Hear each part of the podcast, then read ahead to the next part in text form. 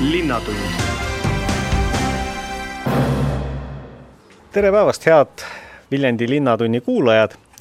täna on äh, septembrikuu viimane Linnatunni saade ja seetõttu on meil siin äh, volikogu istungi äh, auks volikogu liikmed ja üks linnavalitsuse liige ka erinevatest poliitilistest jõududest äh, rääkimas Viljandi linnas toimuvast. mina olen saatejuht Hans Väre, Sakala peatoimetaja ja äh, meiega koos siin on Jaanika Kedvil Isamaast äh, Viljandi abilinnapea. tere! Äh, Helmut Hallemaa Keskerakonnast. tervist, ilusat äh, suvist sügispäeva kõigile! Jaak Allik sotside esindajana. tere kõigile kuulajaile! ja Tiit Jürman Reformierakonnast. tere ja tervist kõigile! no iga päev toob meile Eestis taas uusi koroonanumbreid ja, ja omavalitsused on ka äh, pead murdmas selle üle, et, et kuidas siis sellega toime tulla, kuna otsustusõigused on väga palju jäetud nüüd äh, allapoole äh,. enam meil ei ole eriolukorda nagu kevadel ja ei dikteerita kõiki otsuseid ette äh,. nüüd on äh, linnavalitsus on ka andnud välja sellise äh, teate, et, et uusi avalikke avaliku ürituse lubasid enam äh, ei anta ja äh, üritatakse sellega siis võimalikke nakkuskoldeid äh, vältida. Janika Kedvil, millest selline otsus, see mõnes mõttes on ju isetäituv, kohe on oktoober käes, mis avalikke üritusi siin enam tuleb, sest avalik üritus ju peaks toimuma avalikus ruumis, ehk siis sisuliselt vabas õhus jah, äh, jutt jumala õige, äh, tegelikult hetkel oligi menetluses näiteks ainult kolm avaliku ürituse luba, nii et see arv ei olnud nagu väga suur. linnavalitsus peab mõtlema suurelt ja, ja selline otsus tuli siis seoses sellega, et Terviseamet jagab meile soovitusi, millest me lähtume ja me peame olema õnnelikud, et Viljandis ei ole ühtegi kollet ja Viljandi, Viljandimaa nakatunute arv on ikka, arv on ikkagi väike ja ennetamine on targem kui pärast tagajärgedega tegelemine. kas see natukene ebavõrdne ei ole äh,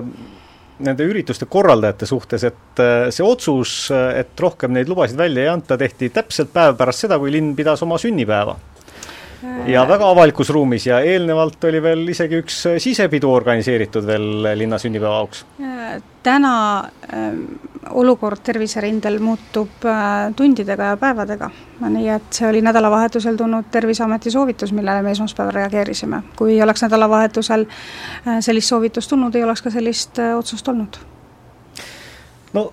äh, head volikogu liikmed, kuidas teile tundub, kas Viljandi linn on äh, Äh, reageerinud adekvaatselt, äh, liiga vähe, liiga palju, Jaak Allik? no ma pean ütlema, et see otsus minu jaoks on täiesti arusaamatu, aga tema kommunikeerimine täiesti ebaõnnestunud, mida näitas ju ka eilne Sakala, sest et linnakodanikud said aru, et üldse keelatakse ära üritused, linnas avalikud üritused ja hakkasid piletid tagasi müüma, nagu kirjutab Tarmo Noorma pärimuslõikuspeo kohta. teiselt poolt, kui on siseruumid samal päeval faktiliselt Vabariigi Valitsus võttis vastu otsuse üle kogu Eesti piirata siseruumides külastajate arvu siis tuhandelt minu meelest seitsmesajal või seitsmesaja viiekümnel. tuhande viiesajalt seitsmesaja viiekümnele. jah, tuhande viiesajalt seitsmesaja viiekümnele siseruumides äh,. otsustas Viljandi linn avalikes kohtades kõik üritused ära keelata, mille tulemusena me lugesime siis Viljandi gümnaasiumi oma aktuse või juubeliaktuse ei saa korraldada mitte lauluväljakul, vaid peab korraldama tunduvalt kitsamates oludes omaenda koduhoovis avalikult, nii et äh, miks selline paanika valdas linna, kus ei ole üldse ühtegi, ühtegi koroonajuhtumit praegu, kui Narva linnas, kus on neid üle saja, siis saja tuhande kohta, nemad teevad nagu Vabariigi Valitsus ütles, aga minu kõige suurem pettumus on muidugi see, et ma olen alati, alati kaitsnud seda, et äh, mida rohkem anda otsustusõigus, õigust koha peale kohalikule omavalitsusele, seda parem, mida vähem tsentraliseerida, seda parem, sest olukorrad on ju erinevad ja ja ka informatsioon on erinev ja kui nüüd tulemus on see, et, et üle Eesti siseruumides võib seitsesada viiskümmend ja Viljandis avalikus tänaval, platsidel või üldse, siis on tulemus küll täiesti vastupidine sellele, et ma palun, palun Jumalat, et edasi ikka Vabariigi Valitsus otsustaks neid asju, mitte Viljandi linnavalitsus. Tiit Jürman. no, no ma arvan, et jah, siin Jaak Allikul on, on, on õigust küll. aga äh, kui me võtame nüüd pandeemia kontekstis selle Covid-19 viiruse, et, et kuidas see delikaatsete isikuandmetega nagu seostuks, et noh, ta, ta on ju gripilaadne viirus. et ma küll püstitan retoorilise küsimuse, et et kas, kas see on nii delikaatne informatsioon ja salastatud peab olema, et noh, kui mina näiteks jään jään kollektiivis tavalisse gripiviirusesse, siis mu kollektiiv teab, et ma olen gripis. Ja, ja, ja ma oskan ennast hoida ja ka kollektiiv oskab hoida, et et võib-olla need andmed ei peaks olema nii salastatud, ma saan aru, kui ma põen näiteks noh, vabandan väga markantse näite pärast näiteks süüfilist, eks ole. et noh, siis peaks olema see küll, see noh see avalikus ruumis väga hästi ei nakka ka no siis. ei nakka ka jah, aga, aga noh, seda ei pea nüüd küll keegi teadma, aga kui inimene põeb Covidit ja samas on, on jälle teine lähenemine, et ma pean laadima endale äpi Hoia, eks ole, samas ma ikkagi saan ju mingid kontaktid kuskilt, ahaa, et Ants Vääre liikus minu lähedal, mul tuleb kohe teavitus, ma saan ikkagi teada, et, et sa oled kas siis nakkusohtlik või oled kokku puutunud, et, et siin on nii palju küsitavusi selle teemaga, et, et, et et aga mis puutub nüüd linnavalitsusse jah, et võib-olla, võib-olla linnavalitsus näiteks eeskuju näiteks maskidega, et, et, et inimesed oskaks ennast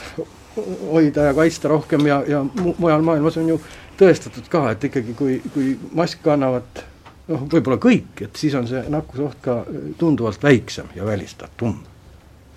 Helmut Hallemaa. noh, tegelikult on teema ju ikkagi keeruline, eripärane ja selles mõttes olen ma teistega nõus, et Viljandi on seni mõlemas laines, no me võime rääkida, kas on laine või mitte, tegelikult on ikkagi praegu päris suur kasv. hea on üle Eesti see, et, et ta on piirkondlik ja ma siin enne juba ütlesin ja selles mõttes ma julgen öelda, et kaitseks natuke linnavalitsusele küll seda, et mina ei saa aru eriti avaliku meedia rünnakust Tallinna linnapea suhtes, Kõlvarti suhtes, kui ta rakendas ennetavaid meetmeid ja neid ka põhjendas, sest tegelikult on Tallinnas täna suurem see näitaja kui Stockholmis ja, ja mitme, ja me ei tea kunagi, kuidas see viirus levima hakkab. Ja siin öeldi noh, võrdlus gripiga päris kohane täna ei ole, selles mõttes, et gripi, gripp on pikaajaline, me teame selle arenguid, kõiki muid,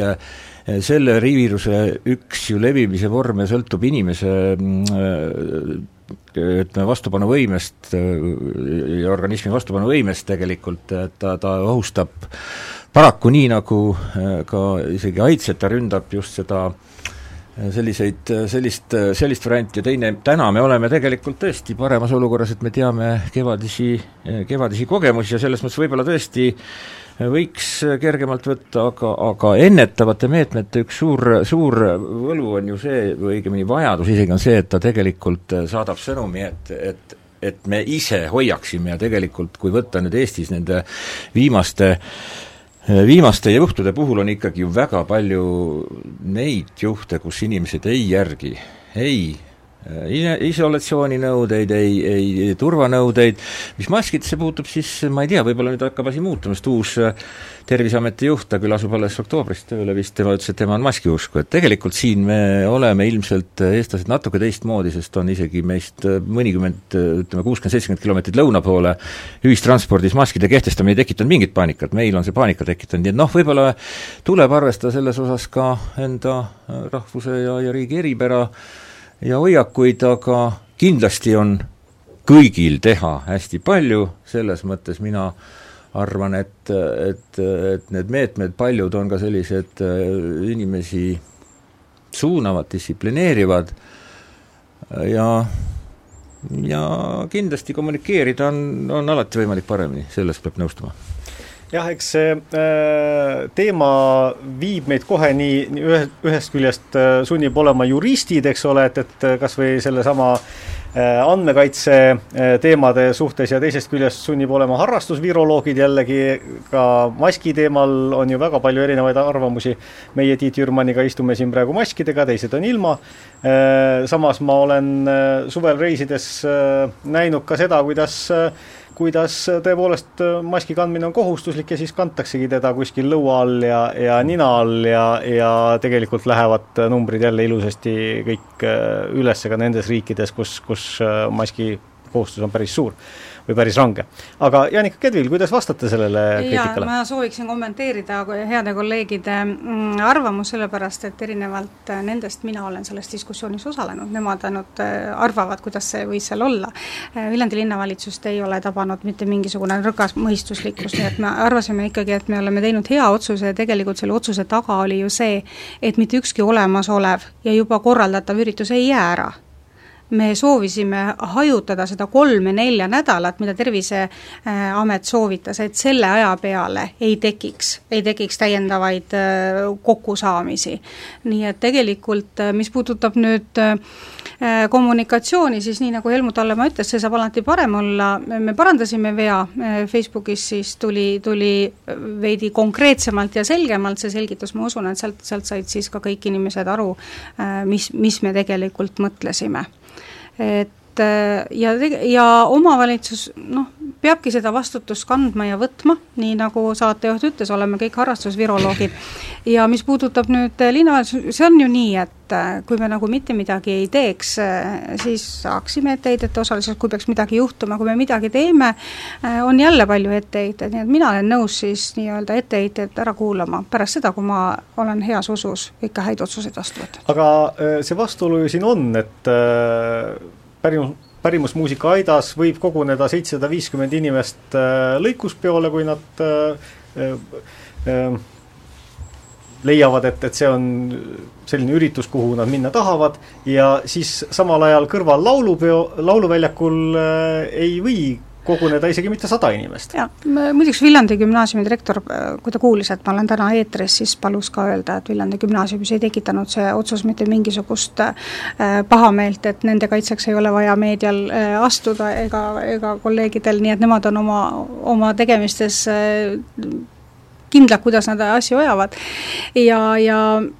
see, mis puudutab siseruume, sinna jäävad omavalitsuse käed lühikeseks nii ongi, see on korraldaja vastutus. nii et äh, linnavalitsus võtab ka nii-öelda äh, selles mõttes korraldaja vastutuse, kui me anname loa seda korraldada. kui meie ei anna luba korraldada, siis me ei saa ka sinna ju mitte midagi sekkuda kui ainult seda, et meelde tuletada korraldajatele, et palun järgige kõiki tervisekaitsenõudeid. Viljandi linnavalitsus oma sünnipäevapidu äh, siseruumides siiski ära ei jätnud ma mõtlen mitte Viljandi linnavalitsus, vabandust, vaid Viljandi linn. jah, äh, aga seda ma ütlesin alguses ka, et tolleks momendiks ei olnud meil neid Terviseameti soovitusi, mis tulid nädalavahetusel just vahetult enne esmaspäevast istungit. hüva, äh, Helmut Hallemaa ja ma tahtsin öelda, et mina küll ei paluks Jumalat, et, et uuesti tuleks eriolukord, sest Eestis ongi võimalik valitsuse kätte anda asjad ainult siis, kui eriolukord on või tervishoiualane hädaolukord olnud. ei, ma usaldan küll, aga tegelikult on tege-, täna ikkagi pigem õige see, mis suund on ja, ja kahjuks pean ma ütlema, et mina päris äh, avaliku meedias survest teatud osades ju aru ei saa. noh, me peame võtma asju natukene äh, ikkagi tõsisemalt ja konkreetsemalt, noh kui me Tallinnas võtame ühe laubaga koolid, ka meil tegelikult on, noh meil on suhteliselt ühesugused, aga kui on erinevad, siis ongi lähenemine erinev ja on selge, et iga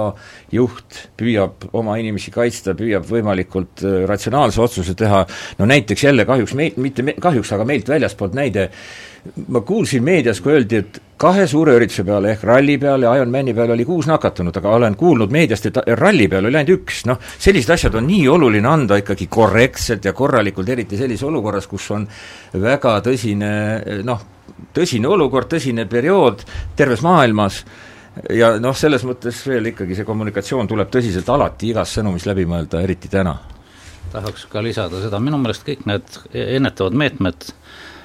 koroona puhul on äh, võimalikud siis, kui nad on ühtemoodi mõistetavad, ühtemoodi täidetavad, ühtemoodi kontrollitavad, alates maskidest, lõpetades nende ürituse piirangutega, tavakodanik ei tea, mis üritus on kellegi korra-, mida korraldab avalik võim, mida korraldab eraisik, mida korraldab riik, mida korraldab linn, ja tõesti, kui kõrvuti Ugala teater mängib suures saalis viissada, üheksast sada inimest korraga ja sellest sada meetrit eemal lauluväljakul ei või inimesed koguneda, sest seda mitte kellelegi normaalselt mõistusega inimesele selgeks ei ole võimalik teha. aga nüüd ma lisaks veel esitaks ühe küsimuse, ähm, mis minule nüüd täiesti arusaamatuks kogu selle asja puhul, tähendab Viljandi linnas ka, aga ma tean, maakonnas väga mitmed koolid ei luba lastevanematel noh, kooli külastada. aktusel võis ka olla isa, ema, võib-olla ainult edasi on soovitav, et mitte kooli ei tulda selle kõrval täna volikogu marsib siis kahekümne seitsme liikmelises seltskonnas sisse Paala põhigümnaas-, põhikooli, äh, sinna oma istungit pidama, koolimajja, äh, miks me koolimajja täna läheme sellel, selles olukorras, kui sellised avalikud üritused lauluväljakul on keelatud? Jaanika Kedil, äkki vastate sellele no kohe? seda vist linnavalitsus ei organiseeri. see on volikogu esimehe aga, aga kas on niimoodi, et, et Paala linna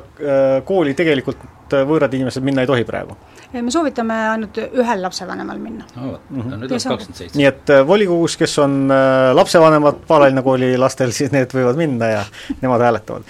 ehm, muide jah, et kui, kui siin maakonna mõõde sisse tuli, et siis tegelikult on ju siin nädalavahetusel tulemas maale elama päev ja ja väga paljud Viljandimaa koolid just nimelt on need kohad, kuhu oodatakse külastajaid, et, et see, see küsimus on, on täiesti põhjendatud. Tiit Jürman, teil oli ka kommentaar? mis puutub nüüd avaliku loa andmisse, siis meil on üks, üks kurb näide ju kevadest, kui, kui Saaremaa omavalitsus andis loa ikkagi korraldada see üritus. ja mis see endaga kaasa tõi.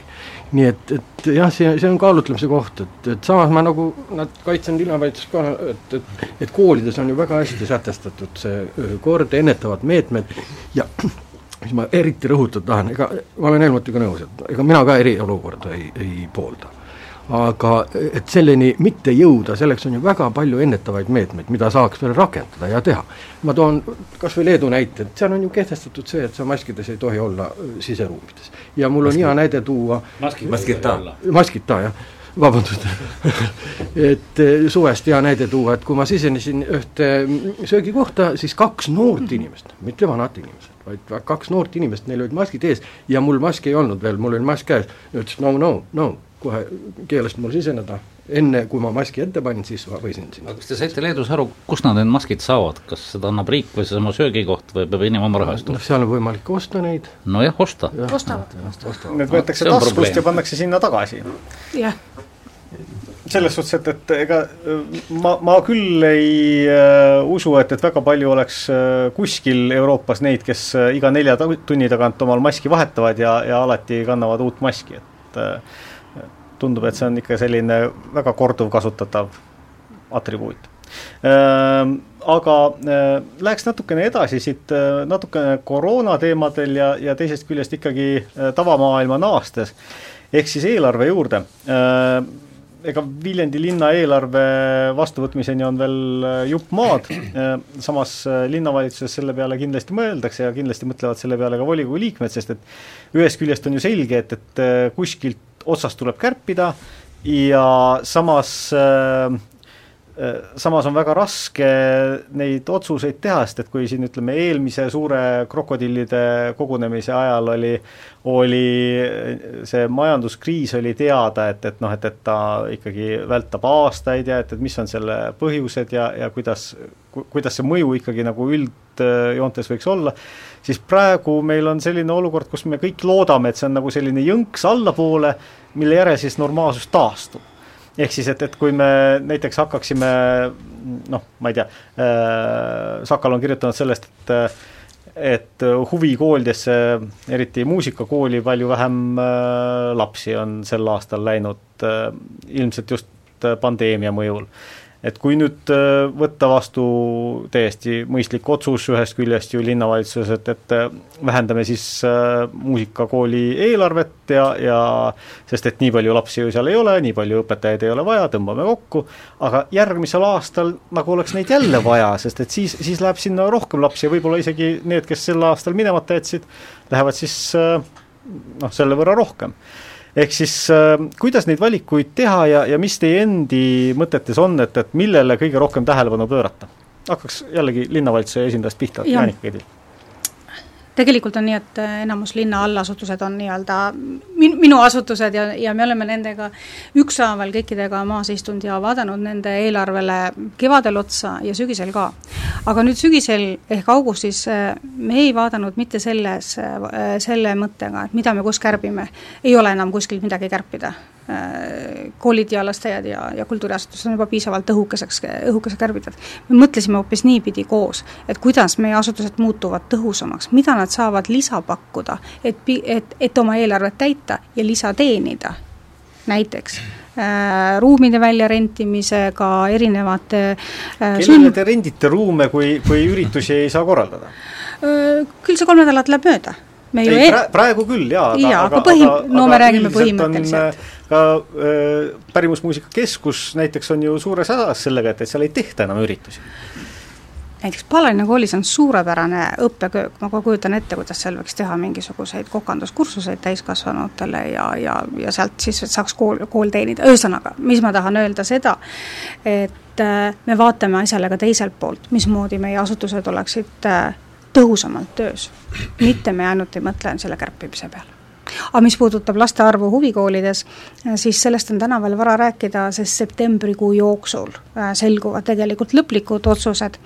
ja päris palju on neid lapsi, kes käivad mitmes äh, huvikoolis ähm, võib-olla on nüüd tehtud otsuseid, ma ei tea, ma ei ole seda numbrit analüüsinud, äh, et on valitud nüüd ühe kasuks. nii et siin on neid põhjuseid palju ja ma usun, et et me elame selle väiksema õpilaste arvu üle ja järgmine aasta on jälle, jälle piisavalt arvu õpilasi. Tiit Jürman. jah, ma natuke, natukene vaidleks vastu, et, et kui ikkagi need eelarveread, rida-realt üle vaadata, et, et võib-olla leiab veel, juhul kui vajadus tekib muidu kärpekohti, et me peame elama päev päevahaaval ja tegema neid lisaeelarveid ja üle vaatama seda eelarvet, et noh, ma ei kujuta ette tulevikku, võib-olla see on üks tee, eks ole. linnapea Madis Timpson, reformierakondlane, samuti siin kriisi alguses ütles, et, et et linnavalitsus on otsustanud kärpida unistusi, ehk siis tõmmata maha neid neid ridasid, mida on kavas hakata tegema, mida, kus on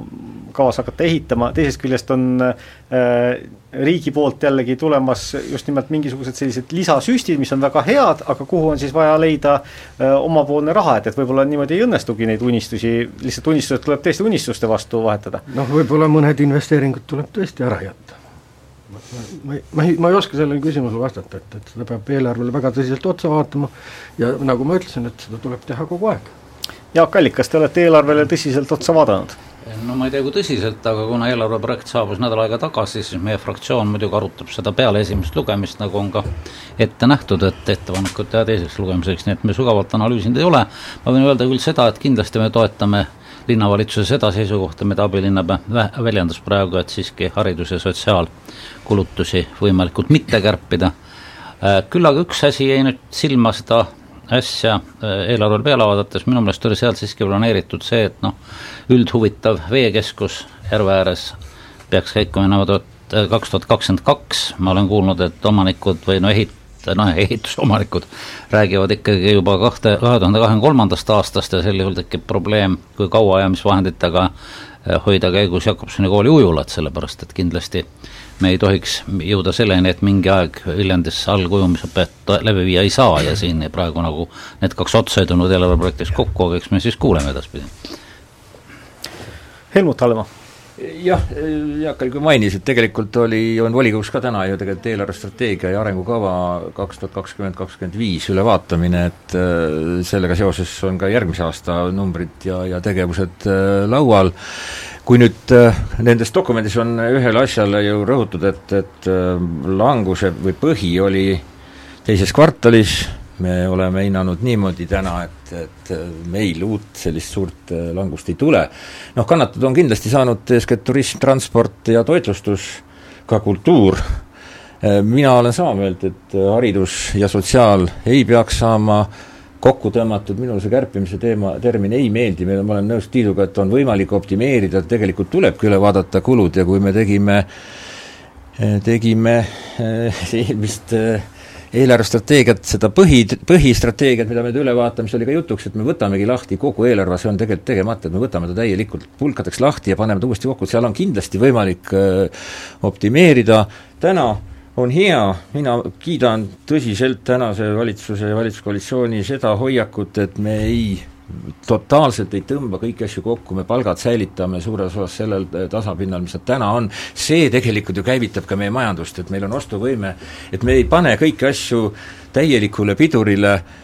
me oleme sel aastal ju ka investeerinud tänu valitsuse, valitsuse programmidele ühes me enne koroonat õnnestus meil äh, taotleda ja, ja, ja positiivselt taotleda Tallinna tänava teise osa renoveerimist, mis praegu valmis hakkab saama, selle aasta lõpuks ja järgmiseks aastaks on Vaksali tänav äh, laual. äh,, me saime investeeringute tuge ka jalgpallihallile, mis, mis loob eeldused, et meil kahe suure elamurajooni vahele ehk Järveotsa areneva ja tekkiva elamurajooni vahele ja, ja Männimäe vahele kujuneb selline uus sporditaristu, seal vajab rahastust, täna ei ole see korralikult lõpuni läbi meil mõeldud ja võimalusi ei ole veel nii palju, kui vaja oleks, Jakobsoni kooli staadion ja avatud spordiväljak noh, lisaks ei ole selle teemaga, aga, aga ka eraettevõtja ehk siis Viljandi Tarbijate Ühistu arendab, hakkab arendama sinna Konsumit, nii et sinna tekib sihuke uus, uus kahe suure linnaosa keskus, et ma arvan, et see on oluline asi, noh, investeeringute puhul tulebki üle vaadata, mis on tähtis ja, ja kindlasti on teed, kõnniteed olulised, jalgteed, jalgrattateed, mida ka inimesed on tahtnud näha, mina julgeks kiita meie, meie linnas arendust, arend-, arendust tegevat Aquaspaad selles mõttes, et ikkagi sellises olukorras, kus neil endal ju praktiliselt seisis väga kaua aega ja ega ta nüüdki pole täies mahus ju käima läinud, ikkagi projekteerimine käib ja see projekteerimine on üle miljoni, poolteist miljonit, et see on suur raha, nad, nad ikkagi näevad arenduse võimalust, noh, kui on vajadus, võib-olla tuleb tõesti kaaluda, antakse edasi, aga siis tuleb jah, Jakobsoni kooli ujula käiku või see üle vaadata ja teha seal need tööd ära, mis siis vajalikud on. see on kindlasti oluline, et me kindlasti seisma ei jäta, aga seal on päris suured, suured tööd vaja teha aga see on ka koos selle, kogu selle, selle Männimäe tagaosa sporditaristuga läbi vaadata ja mõelda. Tiit Jürman. no üks asi, milles elu on siis kas kinni või lahti, on ikkagi see lootuskiir, et kui leitakse vaktsiin. et, et see võib-olla kiirendab siis normaalse elu juurde naasmist ja, ja nii-öelda elu läheb lahti ja kui USA presidendi väljendit kasutades läheme kirkasse tulevikku Jaanika Kedvil, kas äh, Jakobsoni kooli ujula äh, pikem lahtihoidmine on äh, ilma suuremate investeeringuteta võimalik? kinnisvara haldusameti eelarveridade, ridade peal, mis on neil väga täpselt ära jaotatud, on see, on seal numbrid olemas ja kindlasti me hoiame, hoiame Jakobsoni kooli ujula kasut-, kasutuses nii kaua kui vaja mis teie ootused on, kas noh, selge on ju see, et, et riik võib anda siin investeeringutoetusi, aga aga kas on mingit lootust ka nii-öelda püsikuludeks äh, raha saada, kui, kui äh, üksikisiku tulumaksu laekumine oluliselt langeb? no täna me ei prognoosi langust ja tegelikult kui võtta need äh, võrrelda kas või seda aastat ja meie lisaeelarvet, mis me kevadel tegime, kus me kärpisime ja olime, olime sunnitud siis tulumaksuprognoose vähendama kümne protsendi võrra, siis täna tegelikult selle eelarvega võrreldes on laekumine suurem nii et äh, me oleme tegelikult Viljandis suhteliselt pro-, ikkagi konservatiivselt alati prognoosinud oma, oma tulumaksu ja see on igal aastal olnud meil natukene isegi päris äh, palju natukene suurem ju, kui tegelikult on algsed prognoosid, nii et aga noh, loodame parimat, et kui selline olukord nagu täna jätkub, siis ei prognoosita täna tulumaksu olulist ju langemist, pigem ikkagi ta säilib või tõuseb noh, tavarütmis. Tiit Jürman. sekundeerin Helmutile, et et kui vaadata eelarvestrateegiat kaks tuhat kakskümmend, kakskümmend viis, eks ole, et siis on ju seal prognoos, prognoosis, et suureneb ka Viljandi maksumaksjate arv ja, ja keskmine, keskmise palgatõus on sinna sisse nagu kirjutatud, et noh, tõenäoliselt need asjad saavad ikkagi juhtuda Jaak Allik, kui te vaatate valitsuse rahasüste omavalitsustesse, konkreetselt Viljandi linna, kas need on minemas õigesse kohta? No riigi rahasüsteem. no selles mõttes, et ega nende investeeringutega oli ju prioriteet, kellel on olemas projektid, mida saab realiseerida lähemal ajal ja Viljandi linnad õnneks olid olemas, ilmselt võrreldes mõne teise linnaga või kohaga, kus vähem sai. aga see küsimus, mis te esitasite, et kui tulumaks peaks langema, et kas on oodata valitsuselt selle kompenseerimist siin üldiselt finantspoliitikat silmas pidades ma küll ei usu, sellepärast et samavõrra langeb ju siis ka riigipoolne, riigi osa tulumaksu laekumises ja ja need ülesanded vajavad täitmist, et siin peab ju igaüks oma püksirihma siis ise vaatama. niisugused välislaenu arvel investeeringut võib toetada, aga see on juba põhikul-, põhikulude toetamine ja seda ma ei pea võimalikuks või usutavaks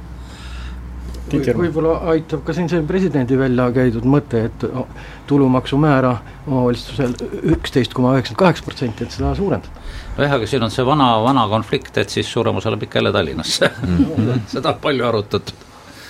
või siis diferentseerida no,. Helmut Hallemaal oli müts. jah, ei, tegelikult tulumaksumäära muidugi tuleks äh, tõsta ja me oleme Põhjamaadest ikkagi oluliselt äh, maas, poole võrra maas tegelikult, aga saab öelda, et viimase kolme aasta jooksul on ta oluliselt tõusnud, ta on tõusnud tagasi selle tasemel, mis ta oli enne suurt eelmise kär-, eelmist kärbet, nii et selles mõttes on laekumised suuremad ja, ja just need suured investeeringute toetused, selles mõttes ma ja ka nõus, et ega muidugi me ei saagi võtta laenu selleks, et hakata püsikulusid katma, aga täna on Euroopast ikkagi ja see, see, see, see jätkub, et negatiivse intressiga tegelikult võimalik laenata ja kogu Euroopa, kogu maailm toodab selles suunas, et eks neid investeeringuid toetab valitsus kindlasti ja see suund on võetud, et hoida ka ehitussektorit ju käigus, et ja, ja mingis mõttes on näha, et et ikkagi hinnad hakkavad kukkuma, kas või meie sama Vaksali tänava hange näitas, et see kukkus ju neljandiku võrra ja see, me täna saame kaaluda seda, et me arutame ikkagi nüüd ka selle kergliiklusteede võrgustiku edasiminekut ka võimaliku tunneliga, kuigi ma saan aru, et sellesse suhtutakse väga erinevalt, aga noh, tõenäoliselt on vajalik, ta on üldplaneeringus meil ka sisse sisse nähtud ja midagi tuleks selle toruga ja, teha, mis juba on ostetud? ei, mitte see ei ole see toru, see on tegelikult ah, teine, see on teine mm, -hmm. ta on tegelikult on mõeldud kõigist kolmest tänavast üleminekut ka, ka ka Reinu teest ja seal olen mina mitmel korral tõstatanud, vist oli meil ka valimisprogrammis, et, et sealt on vaja noh, esimese lahendusena Ugala tagant korralik ülekäigurada, sest ka teatrisse täna ei ole võimalik minna. Ja, ja kui me teeme siis kaks suurt asja, ehk Maksali tänava alla, Jakobsoni tänava alla, siis on vaja ka seal teha tegelikult kolmas asi, nii et et ja me teeme, projekteerime täna ka uut tänavat just selle mõttega, mida Jaak ütles, et noh, kui on, kui tuleb lootus saada riiklikke investeeringuid, et me oleksime stardivalmis ja meil oleks olemas võimalus, et meile selle tõttu ei langeks mingi asi ära, et meil ei ole projekti. Jaanika Kedvil, kas, kui te ütlete, et selliseid äh, palku ja muid selliseid asju allasutustes kärpida ei ole enam võimalik, siis äh, kas on mingisugused investeeringud välja valitud, et mida, mille pea kohal ripub kirves? ei ei ole. Äh, mis ma rääkisin allasutuste õhukesest olemisest, tähendab isikkoosseisu eelkõige, sest me oleme sealt äh, järgi on jäänud koolidesse, lasteaedadesse ainult äh, pedagoogiline personal. Kõik muu on juba ära, ära viidud. aga, aga nad on olnud tublid ja nad on siiski oma, oma just nimelt niisuguseid püsikulusid ja majandamiskulusid ikkagi sealt koomale tõmmanud, minu eriline lugupidamine muidugi lasteaedadele, kelle eelarved on oluliselt väiksemad ja on ka leidnud ikkagi seda kohta, äh, kus, kus äh, oleks võimalik kokku tõmmata, aga me ei lubanud,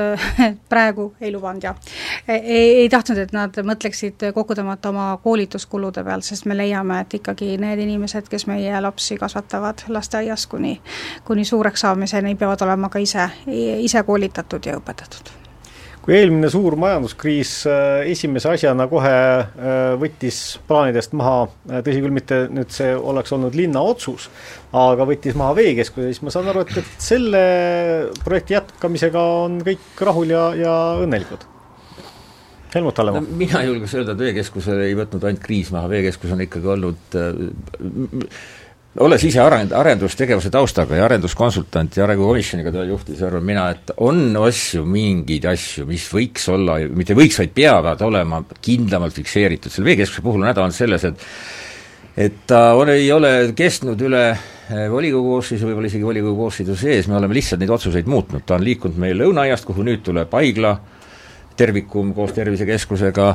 järve äärde, siis kesklinna, siis järve äärde tagasi ja iga selline otsus võtab aega, võtab raha, võtab ka, aga täna on ju tegelikult ega meil meil jääb ainult loota, oodata, et ta tuleb, sest ega linnal on täna ainult võlakohustus üleval või selles mõttes, et meil on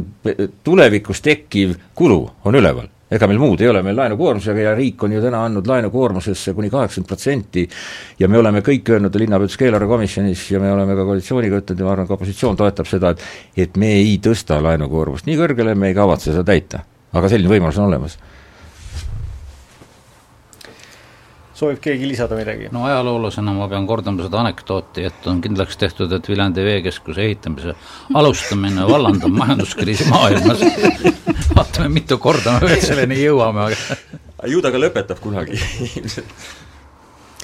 Nii, aga äh, üks teine äh, teema, mis äh, nagu veekeskuski seondub natukene ka turismiga, on kultuuripealinn kaks tuhat kakskümmend neli mis ei ole Viljandi, kui raadiokuulajad seda veel ei tea, eh, vaid on Tartu, küll aga on Viljandi siis eh, koos mitme teise kui ma nüüd peast ütlen, üheksateistkümne eh, Lõuna-Eesti omavalitsusega seal kambas ja, ja seda asja ühiselt ajamas. Nüüd tänasel volikogul ma julgen ennustada, et volikogu võtab vastu äh, koostöölepingu, mis vist on küll ka sellisel kujul, et ega seda, seda väga muuta ei saa, et, et see on Tartu poolt äh, äh, pandud ette ka teistele omavalitsustele ja tegemist on nii-öelda ratifitseerimisega. Ähm, aga mis on teie ootused sellele kultuuripealinna kampaanias osalemisele üleüldse, et, et mida see siis nüüd Viljandile tooma peaks peale selle, et, et et äh, koostööd tehakse? Janika Kedvil tahab no kui, te juba vastate, vastate kõigile asjadele esimesena, siis kultuurivaldkond ka nagu, nagu minu rida. see on Viljandile ikka eelkõige meie kultuurielu rikastamine, selle projektiga koos tulevad meile sellised sündmused, mida meil enne ei ole olnud. et see aga on neid keegi ei ole veel välja öelnud, mis need on?, ei, need äh, ideekorjed alles käivad, nii et seda ei ole. ja see on eelkõige Viljandi linna maine, maineprojekt, mainekujundus ja, ja, ja no esialgu oli ju juttu, et, et kui palju miljoneid turiste külastab tavaliselt äh, kultuuripealinnu, noh, vaatame, loodame, et aastaks kaks tuhat kakskümmend neli on äh, Tiidu vihjatud äh, see vaktsiin juba olemas ja käigus ja meie normaalne elu on tagasi ja me saame neid turistide horde siin vastu võtta küllusliku kultuuriprogrammiga. Jaak Allik ei olnud väga optimistlik no koostööleppe tuleb muidugi vastu võtta ja väga kena on, et Tartu linn kutsus oma partneriteks üheksateist omavalitsust. Ja ilmselt tähendab nende omavalitsustes ja ka Viljandis toimuvad üritused, mingi, mingid üritused ka selle suure Tartu kakskümmend neli kultuuripealinna programmi. aga ma vaataks selle asjale natuke teistpidi ka, tähendab. Äh, kapitalistlikus ühiskonnas on ikkagi konkurents vallandavaks mehhanismiks igal edasiminekul ja kahtlemata need ühe- nii mitte ainult Viljandi ja Tartu, vaid kõik need üheksateist omavalitsust saavad ju seal kaks tuhat kakskümmend neli olema siiski ka konkurendid, kuigi me sõbralikult teeme koostööd ja, ja ma ei ole selle vastu absoluutselt. aga mulle tundub, et tuleks hakata mõtlema, mis on nüüd Viljandi strateegiline huvi selle selle ürituse kaks tuhat kakskümmend neli kultuuripealinn juures, minu meelest on neid kaks. esiteks see, et selle aasta jooksul saaks ka Viljandi tuntuks mitte, mitte Tartu eeslinnana, vaid omaette ikkagi noh, kultuurinähtusena maailma kultuurikaardil. ühesõnaga, et mida rohkem tuleb Eestisse külalisi selle suure loosungi peale, seda rohkem nad tuleksid ka Viljandisse. Viljandi saaks tuntuks ja teistpidi, et kui nad siia juba tulevad, siis nad siin ka ööbiksid, tähendab, et sellest tuleks tõesti kasu meie majutus- ja toitlustusasutustele, ma küll soovitaksin välja mõelda tõesti niisugune Viljandi kakskümmend neli kultuuri, suur kultuuriürituste programm,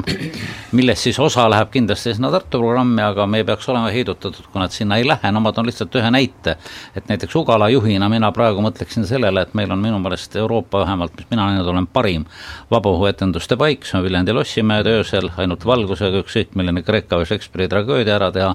kutsuda siia maailma nimega lavastaja ja mängida kümme, viisteist, kakskümmend etendust on üsna kõva pauk, nii et siis siia tulevad juba need inimesed, kes siis märkavad, et ka Tartus on midagi samal ajal. aga nii kindlasti ka igal teisel alal, tähendab, tuleks mõelda ja aktiviseerida nii meie äh,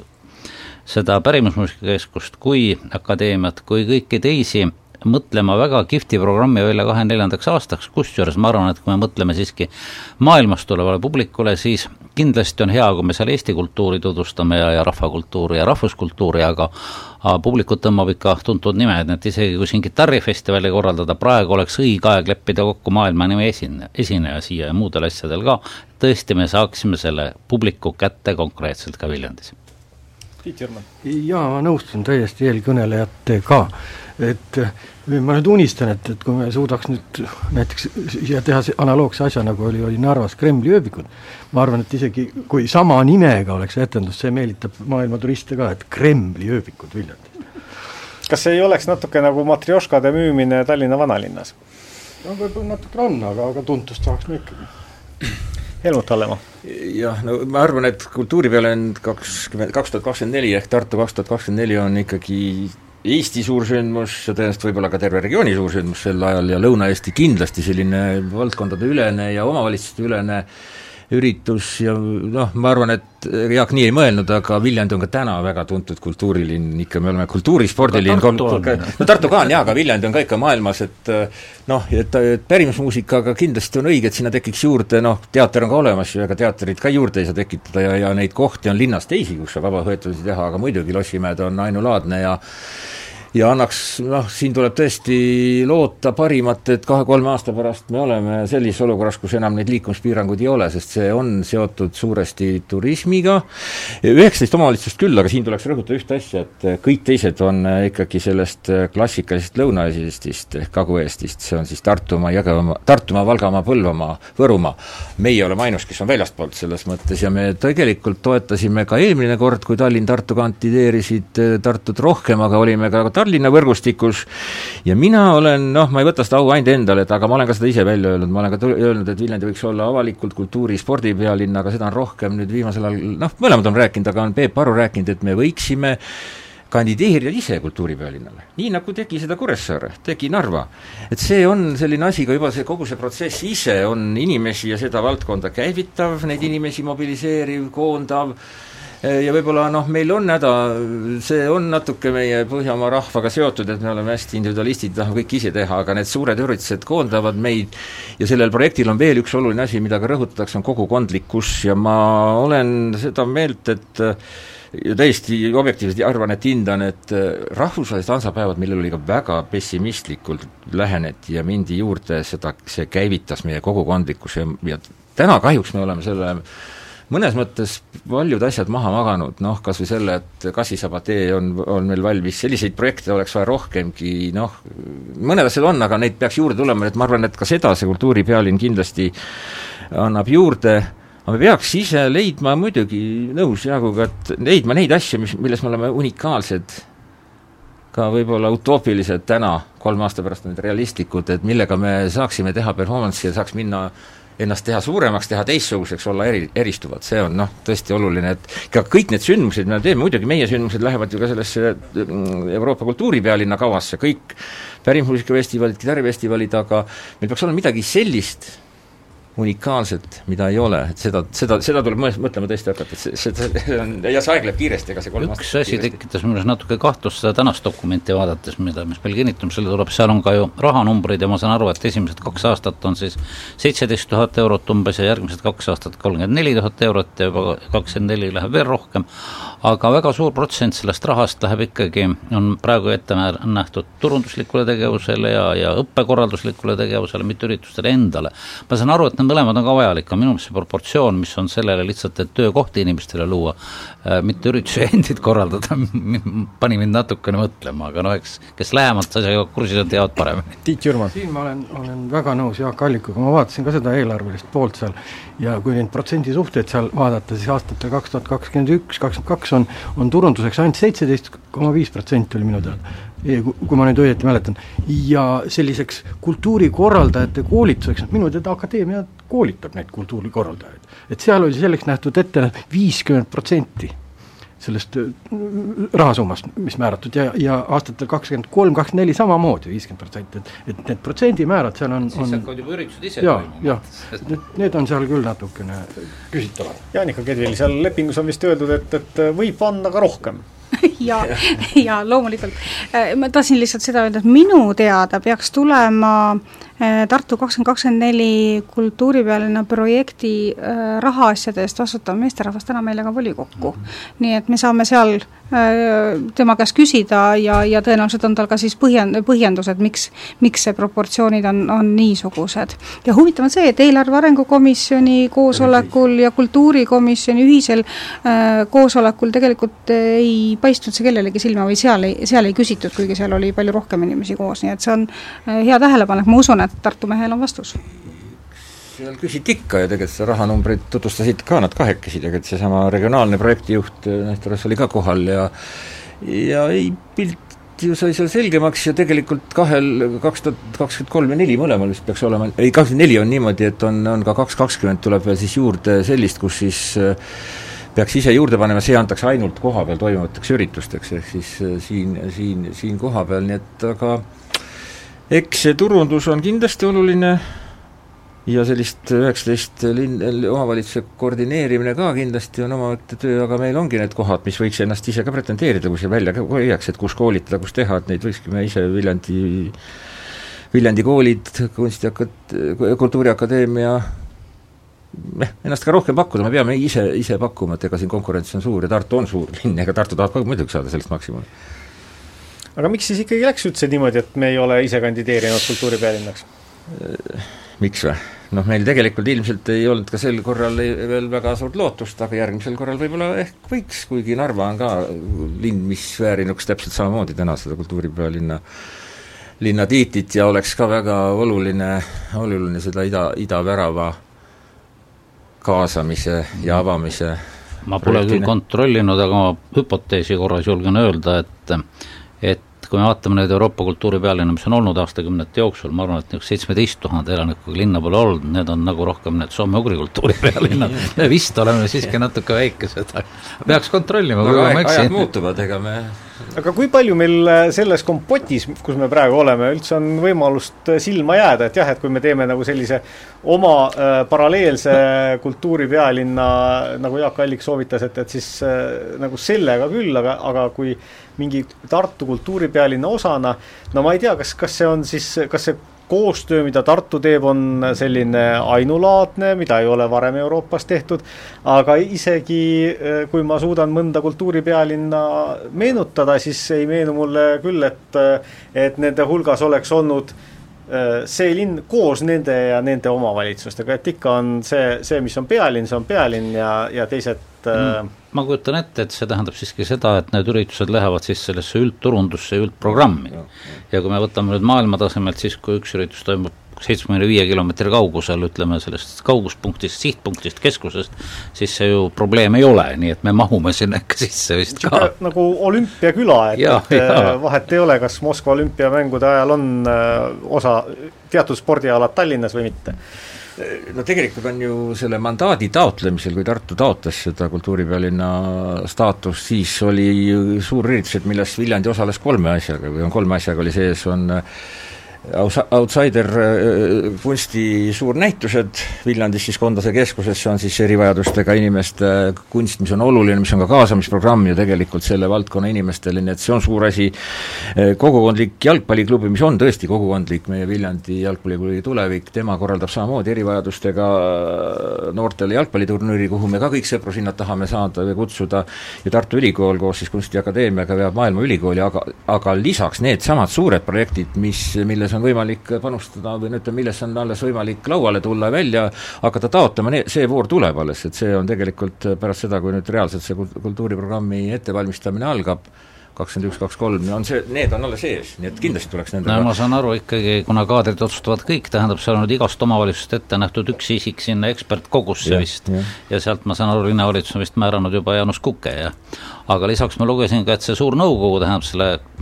peanõukogu, kes seda kultuuripäevana organiseerib, sinna tahetakse ühte esindajat sellest üheksateistkümnest omavalitsusest, vot sinna võiks nagu näiteks Viljandi pretendeerida, kas siis linnapeana või, või Kultuuriakadeemia rektorina, ma ei tea, mis tasemel seal inimesed on, aga aga kuna me oleme kõige suurem partner, siis me võiks selle koha endale saada.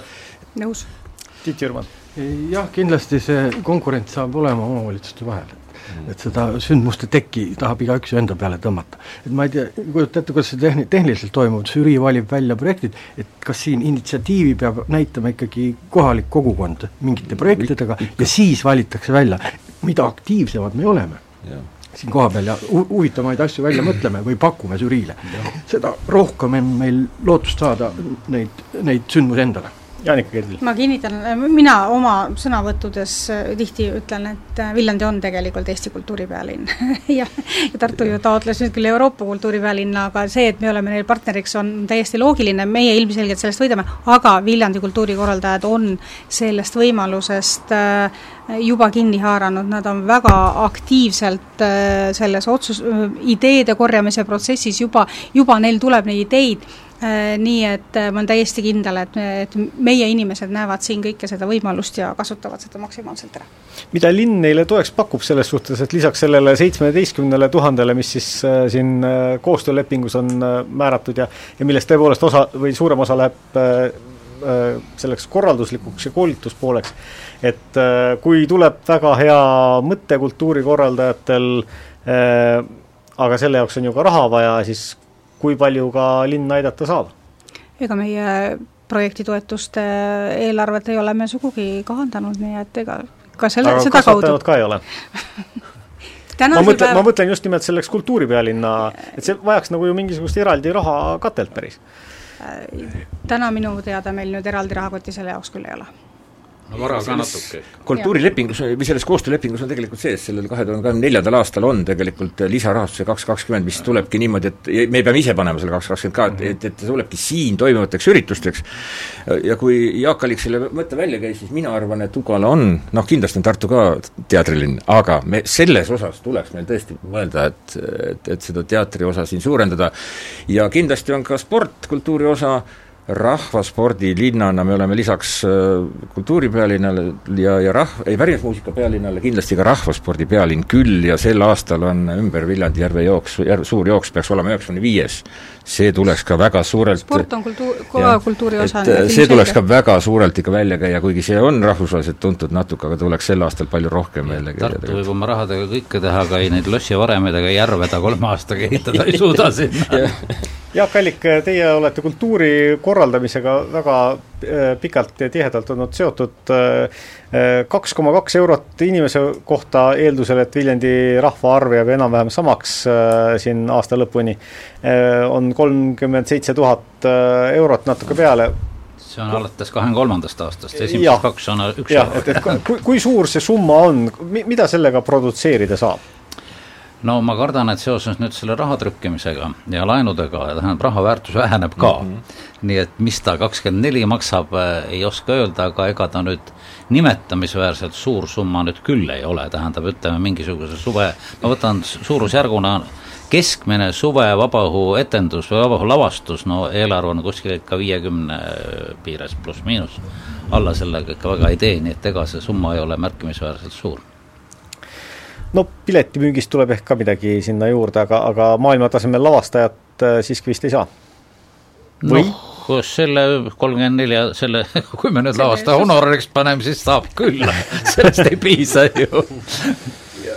ega no see ei välista ühtegi teist projekti, konkursse, mis sel ajal ju käivad. Ja, ja ikkagi siin nähakse ka suures osas ju erarahastust ja ka, ka ja ütleme, kultuur, Kultuurkapitali, Kultuuriministeeriumi tegelikult ja teisi, no ütleme ka see on nüüd see raha, mida meie ise paneme sellesse seemnena ja, ja, ja noh, kui eelarvest me algul rääkisime, siis see sum-, need summad on ka eelarvestrateegias juba sees ja sinna on sisse läinud ka nüüd eelmise volikogu otsusena siis vabadussõjas langenute ausamba äh, Äh, taastamine, seal oli ka näha, et kui me ise otsustasime, et me ette, ette, mm, ettevalmistades kuludeks paneme viiskümmend tuhat, siis ka teised omavalitsused panevad juurde, nii et noh, sama on ka siin tegelikult, et see on nagu see oma aluskapital aitäh stuudiosse tulemast, Tiit Jürman Reformierakonnast. Aitäh, aitäh ja katsuge siis niimoodi elada, et me ei muutuks positiivseks. Jaak Allik Sotsiaaldemokraatide ja aitäh ja külastagem ikka kõiki kultuuriüritusi nii sees kui, kui väljas, seni kui nad toimuvad. Jaanika Kedvil Isamaast. Tänan kutsumast. ja Keskerakonnast äh, Helmut Hallemaa. aitäh, olgem positiivsed. mina olen Hans Väre äh,, helipuldis oli Kaie Mölter, kuuleme volikogu teemadel järgmisel kuul, kuu lõpus. linnatund